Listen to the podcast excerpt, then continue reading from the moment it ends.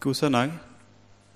Eh, kjekt å se at det var såpass mange som eh, måtte snu på fjellet og eh, komme tilbake ned til Betlehem. Det var jo veldig bra. Så ble vi en god gjeng i dag òg. Flott.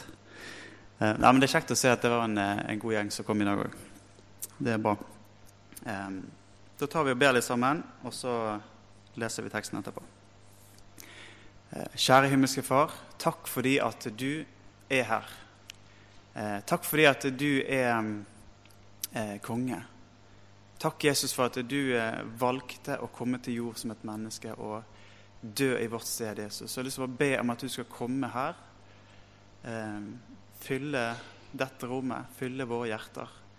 Eh, jeg har lyst til å be om at du skal åpne ordet ditt for oss, Jesus. At, eh, at du bare kan tale til oss alle sammen, Herre. Du åpne opp hjertene våre, sånn at vi får se deg og får se hva du gjør gjorde for oss i påsken, Herre Jesus.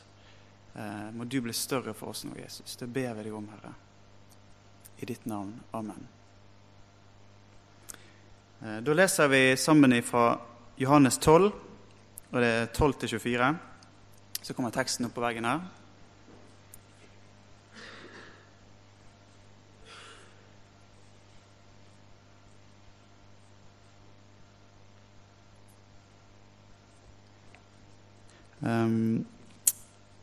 Dagen etter fikk folkemengden som var kommet til festen, høre at Jesus var på vei inn i Jerusalem. Da tok de palmegrener og gikk ut for å møte ham, og de ropte:" Hosianna, velsignet er Han som kommer i Herrens navn, Israels konge. Jesus fant et esel og satte seg opp på det, slik det står skrevet. Vær ikke redd, datter Sion. Se, din konge kommer ridende på en eselfole. Dette skjønte ikke disiplene med det samme. Men da Jesus var blitt herliggjort, husket de at dette sto skrevet om ham, og at folket hadde hilst ham slik. Alle de som hadde vært til stede da han kalte Lasarus ut av graven og vekket dem opp fra de døde, vitnet om det.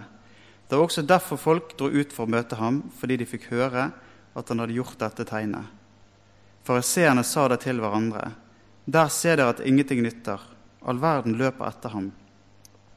Det var noen grekere blant dem som var kommet for å tilbe under høytiden. De gikk til Philip, som var fra Betzaida i Galilea, og sa, 'Herre, vi vil gjerne se Jesus.' Philip gikk og fortalte det til Andreas, og sammen gikk de og sa det til Jesus. Jesus svarte, 'Timen er kommet, da menneskesønnen skal bli herliggjort.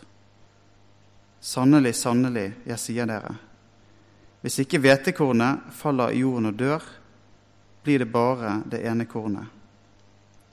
Men hvis det dør, bærer det rik frukt.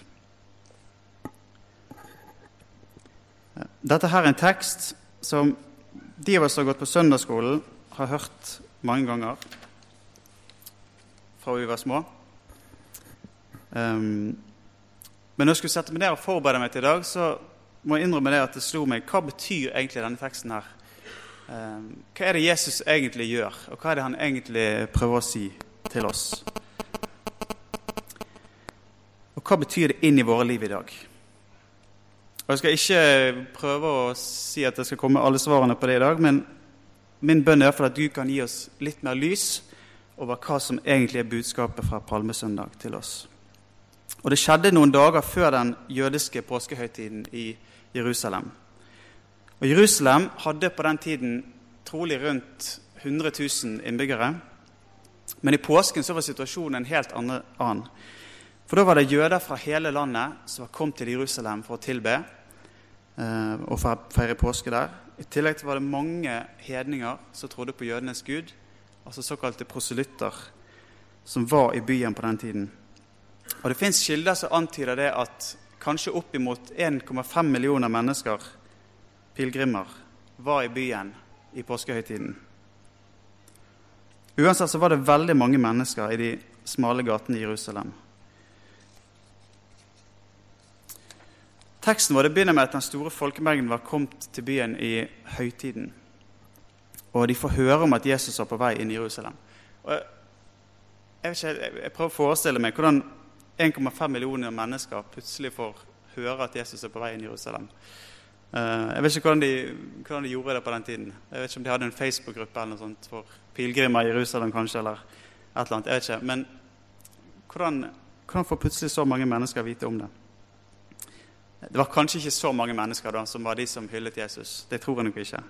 Fordi at eh, Hvis du skal tenke at 1,5 millioner mennesker skulle skjære av palmegreiner og, og, gå og vifte med de, så tror jeg det har gått veldig ut av palmebestanden i Jerusalem. Så jeg tror det må ha vært litt færre folk. Um, men det var i hvert fall en, en stor folkemengde. Men hvorfor tok de palmegreiner? Um, bare fordi det var det som var lett tilgjengelig? Jeg tror det var noe mer. For palmegreinen det var et symbol eh, på den tiden som hadde en spesiell betydning. Palmegreinen det var, det var et symbol for seier. Og I apostelgjerningene 7-9 så kan vi lese at Johannes skriver Deretter så jeg en skare så stor at ingen kunne telle den, av alle nasjoner og stammer, folk og tungemål. De sto foran tronen og lammet, kledd i hvite kapper, med palmegreiner i hendene. Og de ropte med høy røst. Seieren kommer fra vår Gud, Han som sitter på tronen, og fra lammet. Palmegreinen det er symbolet for seier. Og De som viftet med palmegreiner i Jerusalem, de var med å forkynne den seieren som Jesus snart skulle vinne på korset. Selv om de nok ikke er klar over at det er det de gjør her. Og så roper de Hosianna, velsignet være Han som kommer i Herrens navn, Israels konge. Og Dette er faktisk et direkte sitat fra Salme 118 som egentlig handler om Messias. Og igjen hvor bevisste disse her er på hvem Jesus er, det er litt vanskelig å si. Trodde de at han var Messias? Det ser jo sånn ut. Men hva la de egentlig i Messias-begrepet? Det at Messias skulle dø på et kors på den måten, og seire over synd og ondskapen, det var vel noe som de færreste kunne forestille seg.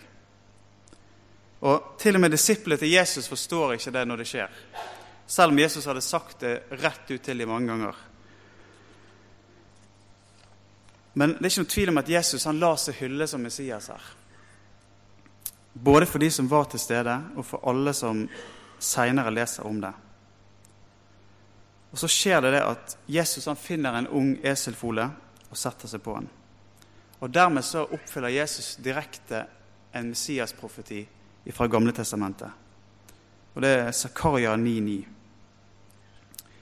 Bryt ut i jubel, datter Sion. Rop av glede, datter Jerusalem. Se, din konge kommer til deg, rettferdig og rik på seier. Fattig er han og rir på et esel, på en eselfole. Ehm, jeg har hørt mange ganger i forbindelse med den teksten at folk egentlig forventet en Messias som kom til hest. En krigerkonge som skulle befri dem fra romerne. Men det er faktisk sannsynlig at det er de som så Jesus ri inn på eselet, at de faktisk skjønte hva Jesus nå gjorde. Eh, at de faktisk koblet det til Zakaria 9,9. Og at de dermed innså det at her kommer Messias. Eh, for konger de red heller ikke alltid til hest. Og det var vanlig å bruke eselet som ridedyr i, fredstid og for konger. Og, både kong David og kong Salomo de, de brukte esel òg som ridedyr. Og Johannes han vil faktisk fremstille Jesus som konge her. Eh, men konge er ikke i betydningen en vanlig konge, men i betydningen fredsfyrste, fredsrikets konge, Messias. Så det at Jesus valgte et esel, det har ikke bare med å gjøre at han skulle framstå ydmyk. Men Jesus han forkynte at han kom med fred. At han var fredsfyrsten. Og I verset etter, i Zakaria 9,10, så står det 'Jeg skal gjøre ende på vognene i Efraim og hestene i Jerusalem'. Krigsbuen skal brytes i stykker. Han skal forkynne fred for folkeslagene. Hans velde skal nå fra hav til hav, fra storelven til jordens ender. Med andre ord, Jesus han kom og forkynte fred med at han red inn på denne måten. Men det var òg et sterkt signal i det som Jesus gjorde, at han, han sier faktisk at 'jeg er konge'. Jeg er kongen. Jeg er Messias. Jeg er konge, som David og Salomo var konge, men jeg er, jeg er noe mye større. Jeg er, jeg er Messias. Konge på en helt annen måte. Hvis vi går litt ned videre til vers 19, så ser vi at fariseerne er fortvilet over at hele verden løper etter Jesus. Eh, og I neste vers så ser vi at det var noen grekere som har kommet til Jerusalem for å tilbe. Og disse spør Philip om å få se Jesus. Og så sier Jesus, når han hører når han får spørsmål, så sier han timen er kommet der menneskesønnen skal bli herliggjort. Og Jesus han sikter til at nå er tiden inne for at han skal dø, at han skal lide, og at han skal stå opp igjen.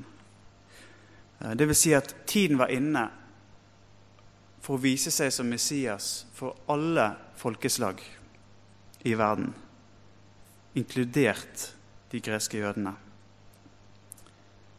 Og Dette kan på en måte være en sånn skimete begynnelse på verdensmisjonen. Eh, I den første kristne tiden så var det disse pilegrimene som reiste til og fra Jerusalem, de var en veldig viktig kilde til at evangeliet ble spredt.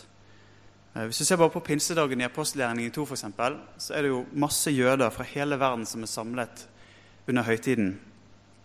Og Peter han forkynte evangeliet for dem, og mange blir frelst. Og så tar de det med seg tilbake der de kommer fra. Og Trolig så var det sånn menigheten i Roma eh, ble grunnlagt, f.eks. Av romerske jøder, som hadde tatt imot evangeliet i Jerusalem og tatt det med seg tilbake. Og Jeg tror ikke det er tilfeldig at Jesus lar seg hylle som Messias eh, i en tid på et tidspunkt der det var representanter fra mange folk og nasjoner til stede i Jerusalem. Jeg tror Jesus sier her veldig sterkt at han er Messias, ikke bare for jødene. Men han er Messias for alle folkeslag. Han er alle folkeslags Messias og frelser. Og at det han nå var i ferd med å gjøre, det å dø og stå opp igjen, det var en seier som skulle gjelde for alle folkeslag alle nasjoner og til alle tider. I de tre andre evangeliene så, så kommer hendelsen der Jesus renser tempelplassen rett etter at han har ridd inn i Jerusalem. Um, og den delen av tempelplassen som, eh, som ble brukt til å, å, kjøpe og selge, det var den delen som kaltes for hedningenes forgård. Og det var den plassen som var tiltenkt de hedningene som hadde kommet til tro på, på jødenes gud. Og Der skulle de ha en mulighet til å be og til å møte Gud. Og Hvis vi ser på Jesus og renser tempelet i lys av det, så ser vi det at Jesus han er rasende over at plassen der hedningene skulle få lov til å be og søke Gud, der de kunne få møte Gud, det er blitt en plass som er blitt brukt til å utnytte folk og tjene penger. Og de hadde ikke lenger mulighet til å møte Gud der. Jesus han sier jo det at 'mitt hus skal være et bønnens hus for alle folkeslag'.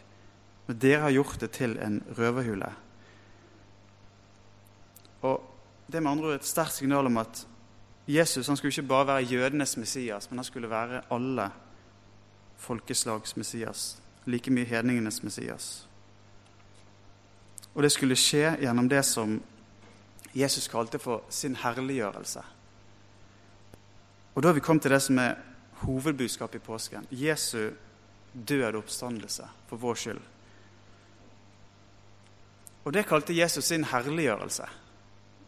Og Det er utrolig spesielt. At Guds egen sønn, som bodde i Han bodde i Guds herlighet før han kom til jord. Han, han, var, han var, Gud sjøl. Um, og han bodde i Guds lysglans. at han kalte det å bli spikret til et kors og ta på seg straffen for alle våre synder, ja, til og med bli gjort til synd og få all Guds vrede over all synd noensinne tømt utover seg på korset, det kaller Jesus for sin herliggjørelse. Og det sier alt om hva slags Messias vi har å gjøre med her. Det var ikke Messias som kom for å få makt og bli hyllet av mennesker. Nei, han kom faktisk for å bli forlatt og forkastet av mennesker, sånn som det står i Isaiah 53. For det er det som skjer bare noen dager etterpå. For å hylle han som Messias, så snur folkemengden om, og så krever de Jesus korsfestet. Bare på noen dager. Så hele bildet snudd på hodet. Og Det er ikke sikkert at det var akkurat de samme folkene. Men de som hyller ham på palmesøndag, de er i hvert fall ikke høylytte i å forsvare Jesus på langfredag. Men Jesus han kom ikke for å bli hyllet.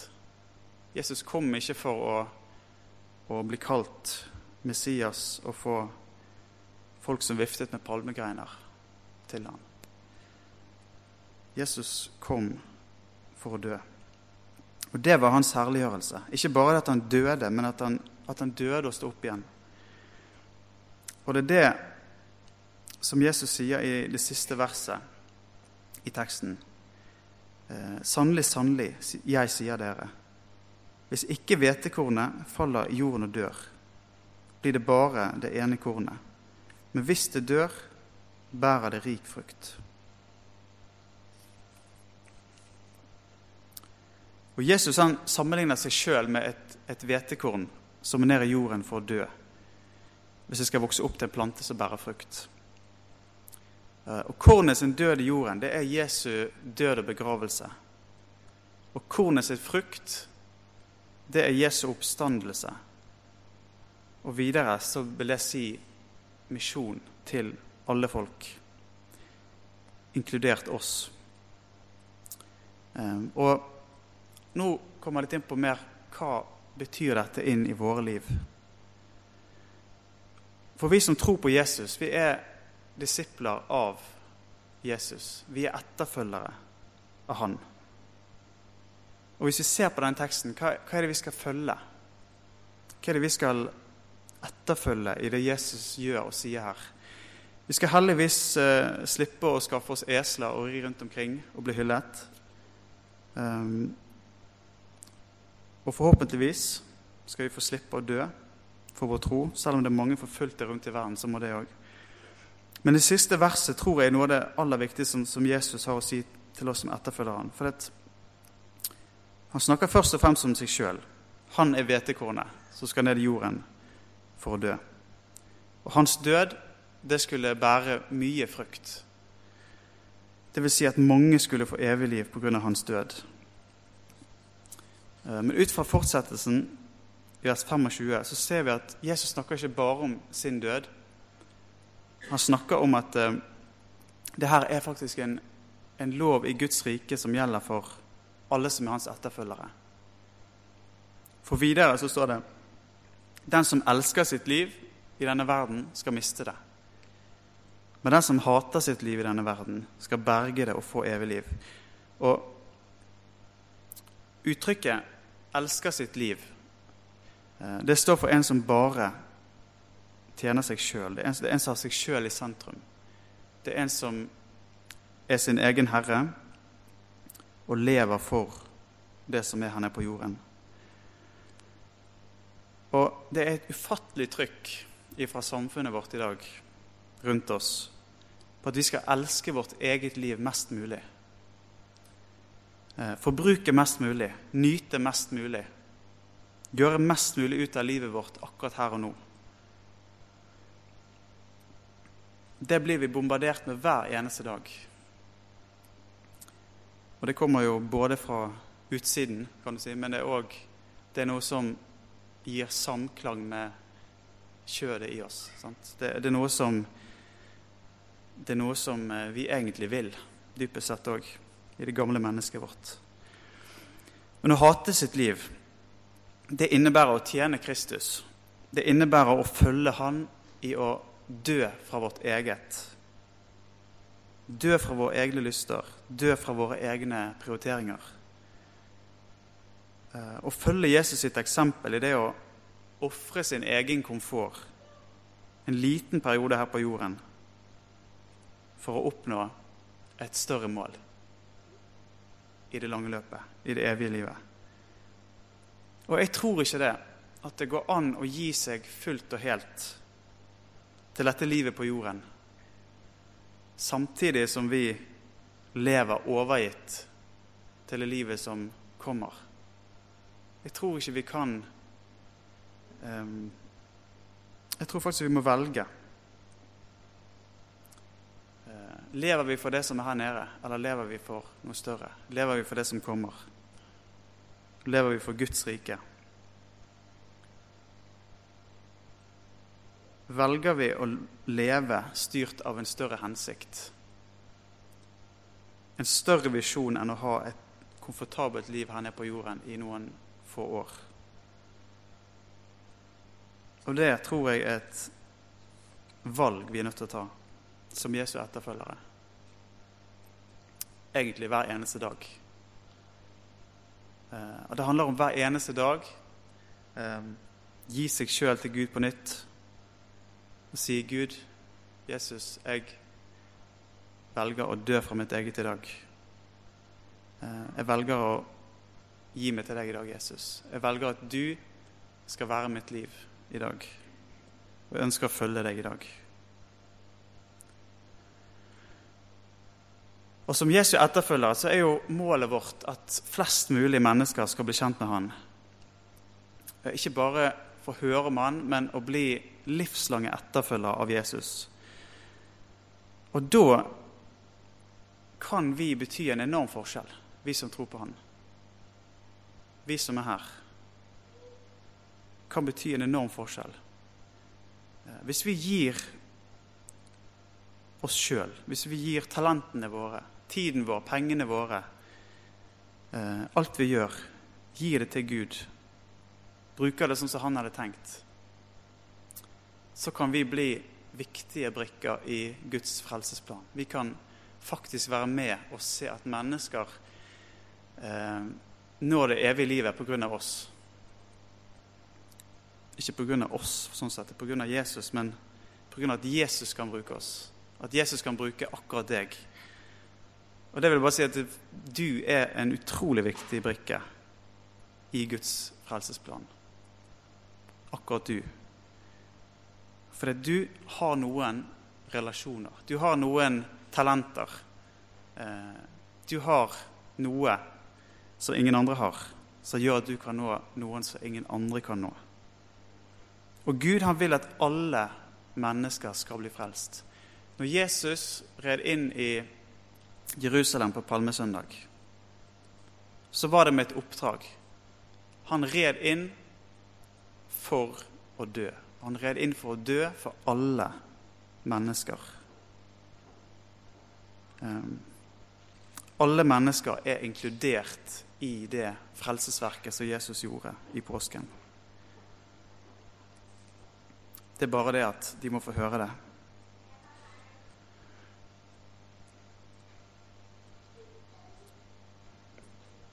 Og så tror jeg det er så mange av oss som lever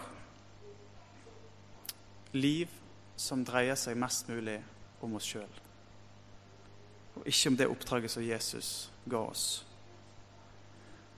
Og må Gud bare tilgi oss at det så ofte gjelder oss. For det dreier seg faktisk om evigheten til menneskene rundt oss. Det dreier seg om evigheten til menneskene rundt oss. Og evigheten til menneskene rundt oss eh, kan få påvirkning av hvordan vi lever våre liv. Det kan avgjøres av hvordan vi lever livene våre. Og det er veldig, veldig, veldig alvorlig. Og det her trenger vi Guds hjelp. Vi er helt avhengig av Gud. Vi er så avhengig av Gud at, at vi må ned i jorden for å dø. Eh, og så må Gud få lov til å eh, reise noe opp i oss. Gi oss kraft, kjærlighet og frimodighet, eh, sånn at Han kan bruke oss til å føre mennesker rundt oss til tro.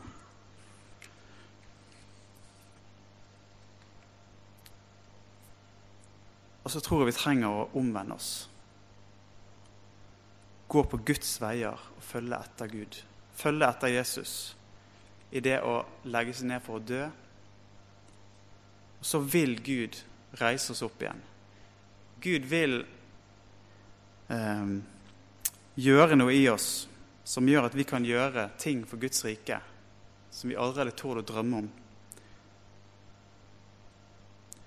Eh, jeg tror det at vi altfor ofte legger egne begrensninger på hva Gud kan få bruke oss til. At vi tenker at nei, 'jeg kunne aldri gjort noe sånt', eller 'jeg, jeg er ikke sånn og sånn'. Jeg kunne aldri ha ledet noen til Jesus, f.eks. Men da tror jeg ikke vi regner med Gud, for Gud kan bruke hvem som helst. Han kunne til og med snakke gjennom et esel, står det i en historie med Bibelen. Så da tror jeg han kan bruke de fleste. Um, og Gud trenger ikke vår flinkhet. Først og fremst. Han trenger sønderknuste hjerter. Han trenger villige hjerter som han kan få bruke og forme. For Jesus, han red inn og gjorde et enormt offer i påsken. Og han fortjener at vi ofrer livene våre tilbake til han. Han fortjener det at, at vi følger han i det å dø for oss sjøl. Så vil han reise oss opp i et nytt liv og bruke oss til å få flest mulig med oss til det evige livet.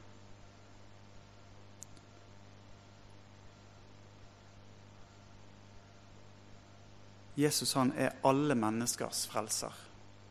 Han er alle folkeslags Messias. Og alle mennesker er inkludert i det Jesus gjorde på korset. Alt er betalt for. Det er ingenting som står i veien eh, fra Guds side. Det eneste som gjenstår, er at mennesker må få høre budskapet og ta imot.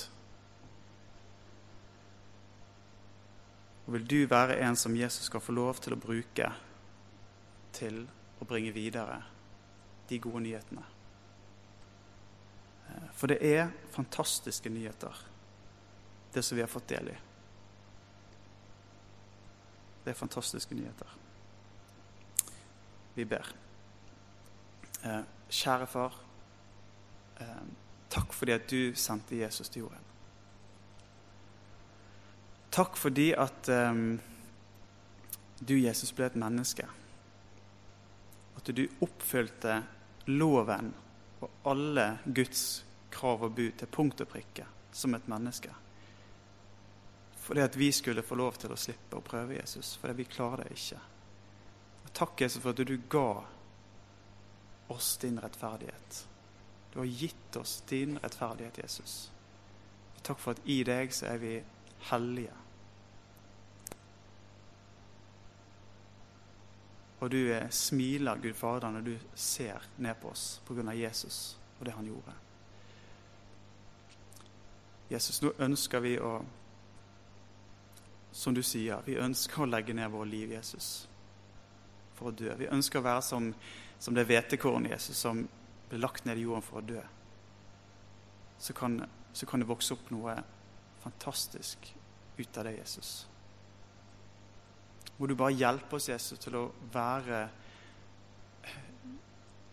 mennesker som legger ned sitt eget hver eneste dag og følger deg, tar opp sitt kors og følger deg hver eneste dag, Jesus.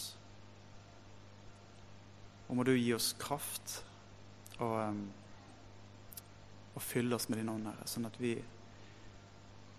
vi kan få stå fast og grunnfestet i alt det som den onde og verden eh, kommer imot oss med, Herre Jesus.